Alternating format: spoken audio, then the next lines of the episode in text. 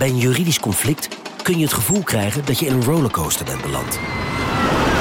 Je wereld staat op zijn kop en je bent de controle even helemaal kwijt. Dan is het fijn als je bent verzekerd bij ARAG. Daar werken topjuristen en advocaten die je begrijpen. Die een stap extra voor je zetten. En je het gevoel van controle teruggeven. Met kennis en informatie, met heldere uitleg en met gericht advies. ARAG, juridisch probleemoplossers. Wie reist met NS, reist net even anders. Wij reizen groen, zonder moeite te doen. Oh, zo kan je dus ook een dagje weg. En wij werken in stilte. In stilte? Nou ja, met oortjes dan. Oh. Zo gaan we iedere dag vooruit. Wij allemaal. Stap je ook in?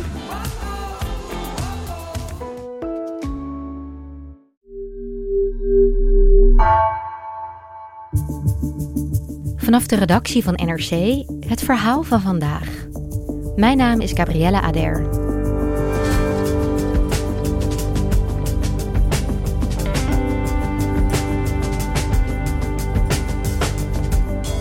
Tien dagen na de aardbeving in Turkije is er op veel plekken nog altijd te weinig hulp. Correspondent Toon Beemsterboer ging naar het zwaar getroffen gebied Antakya en zag hoe inwoners door de staat aan hun lot overgelaten worden. De ravage daar symboliseert volgens hem hoe corruptie en politieke belangen jarenlang vrij spel hadden.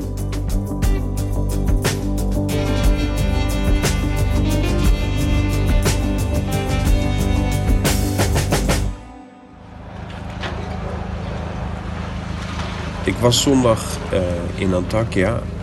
Het was uh, de zwaarste trip die ik tot nu toe heb gemaakt. We reden daar s ochtends vroeg eigenlijk binnen. En nou ja, ik wist al wel dat de schade groot was. Maar ik was toch wel behoorlijk geschokt door, ja, gewoon... Alles is kapot, weet je. Die stad die lijkt echt weg te zijn gevaagd.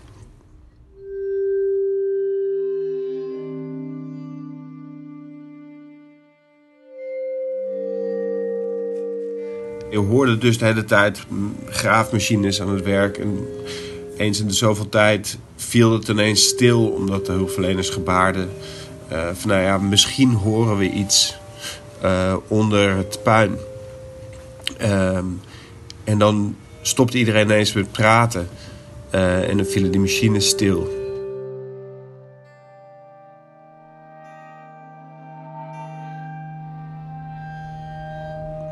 We reden in eerste instantie naar uh, het Renaissance Residence. Dat is een soort luxueus en, modern appartementencomplex in een, in een nieuwe wijk van de stad. Maar het bestond uit drie flatblokken die echt volledig waren verkruimeld. En mensen daar die bivakkeerden daar al heel lang. En de sfeer was een beetje grimmig. Daar was de woede echt uh, tastbaar familieleden die wachten daar al dagen op, uh, op nieuws van, uh, over hun geliefden die onder het puin lagen. Uh, het was een gigantisch complex waar naar schatting duizend mensen woonden in 250 appartementen. Um, dus er werd gezocht naar overlevenden, maar de meeste mensen die hadden eigenlijk de hoop al een beetje opgegeven.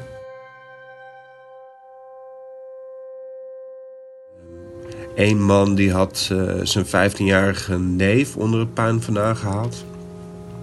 Uh, maar die was later overleden aan interne bloedingen. Uh, de twee ziekenhuizen in Antakya die waren ingestort, dus hij had hulp nodig. maar ja, kon die niet op tijd bereiken. Dus die man die was woedend dat er geen hulp was. Um, en dat zijn neefje niet kon worden gered terwijl hij hem eigenhandig onder het puin vandaan had gehaald. Mensen eh, beleven hun donkerste uur en, en de staat is in geen velden of wegen te bekennen.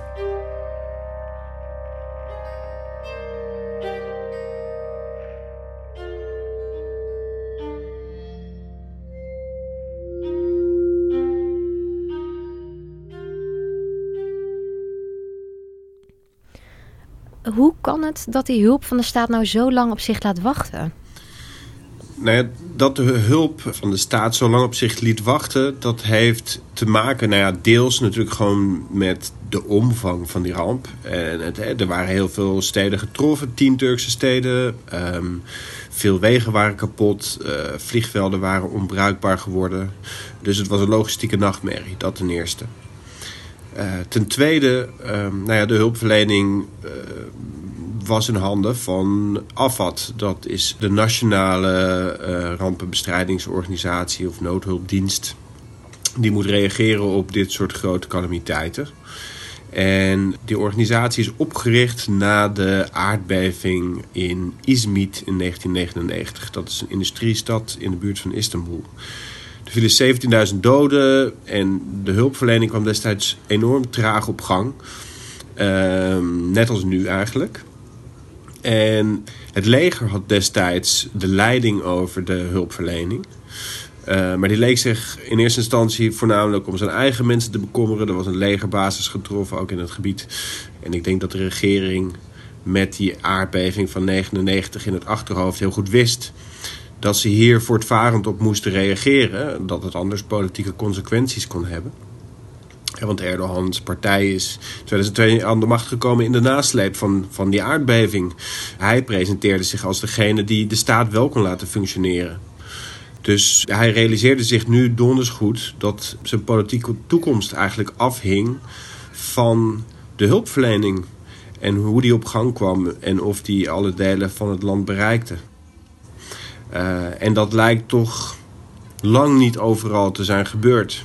En waarom lukt het afvat dan niet?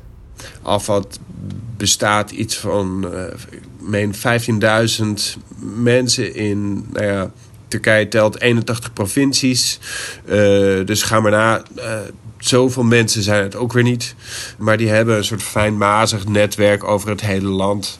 Uh, met lokale teams die op papier in ieder geval flexibel zouden moeten kunnen reageren op rampen. En dat wellicht ook wel kunnen op een soort van nou ja, kleinere schaal. Maar ja, dit was zo'n grote ramp in zo'n gigantisch uitgestrekt gebied. Dat de aantallen waar gewoon niet genoeg waren. En speelt het leger dan helemaal geen rol meer? Ja, een veel kleinere rol. Uh, er zijn wel teams van het leger gemobiliseerd. Die zich uh, specialiseerden in reddingswerk of dat soort dingen. Het waren iets van 3500 mensen. Maar niet op grote schaal. En Erdogan was gewoon huiverig om het leger in te zetten. Om, denk ik ook omdat nou ja, hij heeft de, de verantwoordelijkheid over de hulpverlening aan af had gegeven. Dat ten eerste. En ten tweede heeft hij de macht van het leger uh, toch behoorlijk ingeperkt. Uh, omdat het leger van oudsher de hoeder is van de seculiere orde. En nou ja, hij heel lang de dreiging van het leger voelde... die mogelijk in zou kunnen grijpen in de politiek... om nou ja, die seculiere orde te verdedigen. Hij is toch een leider van een islamitische partij. De hulp van Afat is dus eigenlijk niet toereikend. Hè? En over de hulp van het leger werd getwijfeld. Maar zijn er dan geen andere vormen van hulp? Nou ja, zoals altijd in Turkije kwam er eigenlijk een enorme stroom uh, hulp op gang. Vanuit alle steden en dorpen worden er particuliere initiatieven op touw gezet. En die zijn enorm goed bedoeld en hartverwarmend. En de Turken laten zich in zo'n geval absoluut van hun beste kant zien. Weet je, iedereen helpt. Uh, Mensen stappen in de auto en rijden naar de andere kant van het land om, om mensen onder het puin vandaan te halen. Weet je? Maar het ontbreekt vaak aan coördinatie. Want hoe um, leid je al die initiatieven in goede banen? Weet je, dat werkt toch vaak half langs elkaar heen. Uh, het Spaanse reddingsteam na vertrek vertelde dat. Uh, nou, klaagde ook over het gebrek aan coördinatie. En zei van ja, weet je, dan werden de graafmachines gestuurd, maar er was er geen benzine. Of waren er geen mensen om die graafmachines te opereren. Tegelijkertijd zag je dus dat er een politieke ondertoon zat in die enorme stroop hulp die op gang kwam. En wat bedoel je dan met een politieke ondertoon? Uh, weet je, de, de, grote steden in het westen van Turkije zijn eigenlijk in 2019 in handen gekomen van de oppositie. En zij wilden natuurlijk al die middelen aanwenden om hulp te sturen naar het getroffen gebied. Het was in eerste instantie natuurlijk gewoon om te helpen. Maar in tweede instantie ook ja, met het oog op de verkiezingen die eraan komen in mei. En als ze zich uh, profileren en laten zien dat zij de hulp kunnen leveren die de staat naliet, dan uh, maken ze natuurlijk een betere kans om Erdogan te verslaan uh, bij de verkiezingen. De oppositie stuurde bijvoorbeeld ook, weet je, als ze hulp stuurden, dan stuurden ze bussen waar grote Deprem dat is, dat is aardbevingshulp betekent dat. En dan het logo van de gemeente ernaast. Weet je, zodat wel zichtbaar is wie het stuurt. En uh, dat werd dan soms door Afad weer tegengehouden. Zo stuurde de gemeente Istanbul brandweerlieden naar Antakya om te helpen bij het reddingswerk. En die werden tegengehouden, die mochten dan de stad niet in uh, aanvankelijk. Maar goed, ik denk dat Afad niet al die initiatieven van de oppositie heeft kunnen tegenhouden. Ook al probeerden ze dat wel. Ze probeerden die hulpverlening te monopoliseren. En daar klaagde de oppositie over. Maar goed, uiteindelijk weet je, was er gewoon te, te weinig coördinatie om dat echt te kunnen monopoliseren. Ja, het voelt nu heel raar om juist nu over politieke belangen te praten, terwijl er tienduizenden mensen om het leven zijn gekomen. Um, ze ontheemd zijn en alles hebben verloren. Maar aan de andere kant lijkt er dus juist wel echt een politiek spel gespeeld te worden nu. Ja, zo zou je het kunnen zeggen. Kijk, die verkiezingen zijn natuurlijk hartstikke dichtbij. Uh, als Erdogan dit goed aanpakt en de hulp en goede banen leidt, dan maakt hij een goede kans om de verkiezingen te winnen.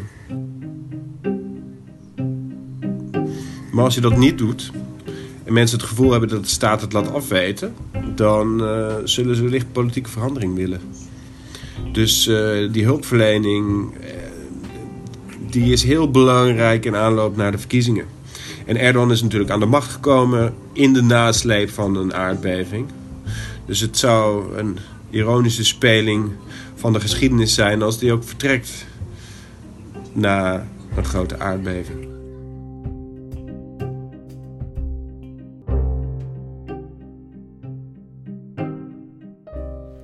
Ondertussen liggen er dus nog duizenden mensen onder het puin.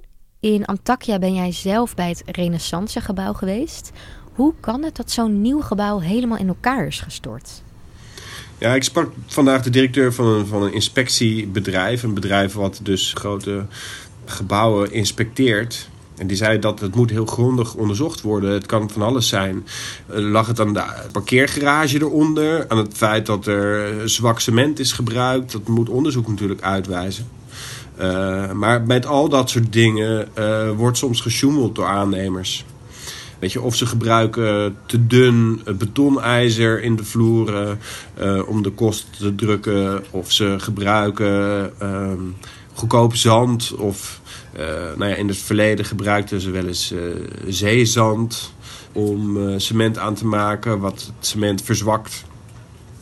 zo zijn er allerlei zeg maar, trucs ja, die er vaak voor zorgen dat die gebouwen toch niet aardbevingsbestendig zijn.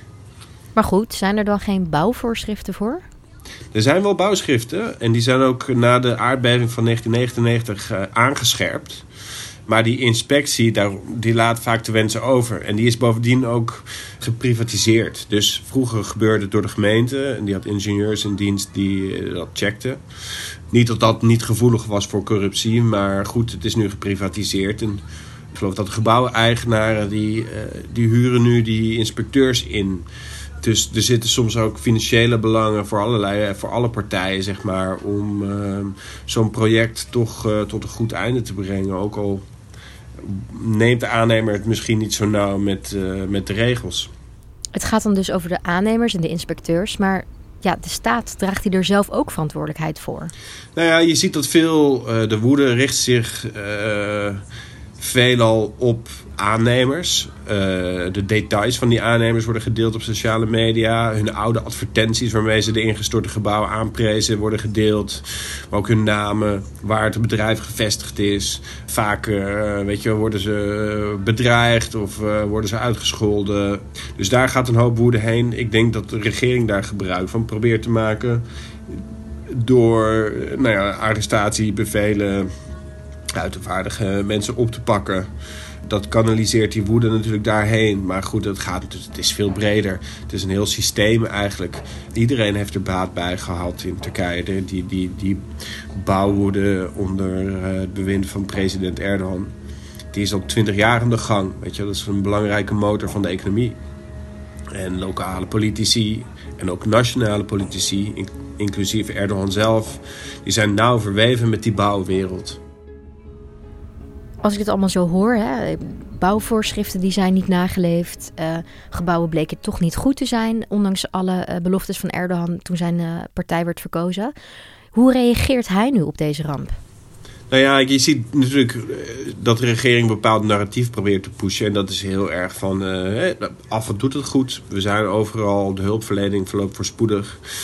En zeker op de staatsmedia wordt dat narratief heel erg gepusht.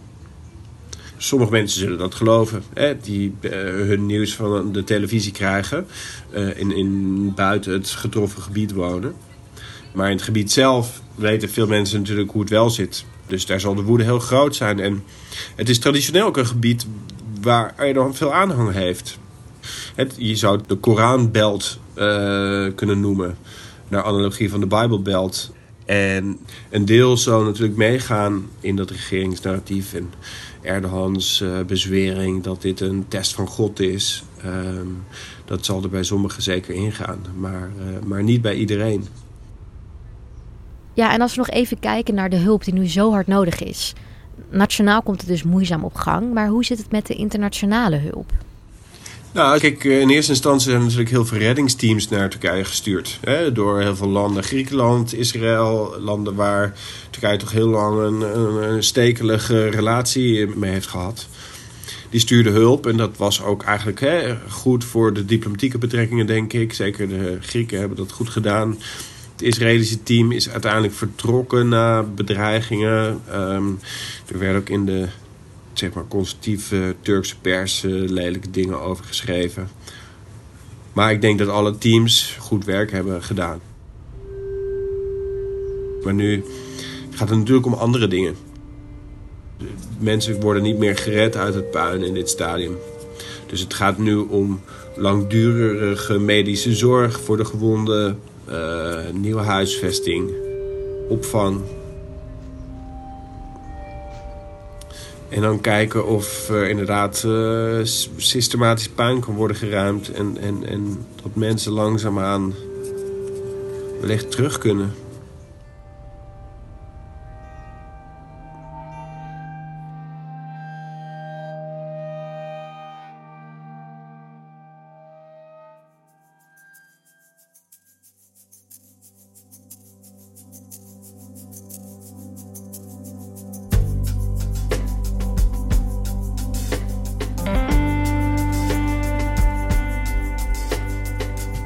Je luisterde naar vandaag, een podcast van NRC. Eén verhaal, elke dag.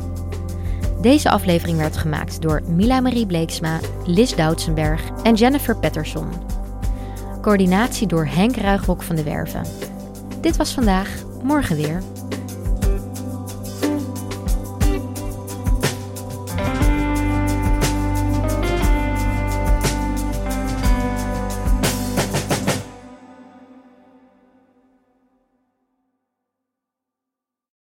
De financiële markten zijn veranderd, maar de toekomst, die staat vast.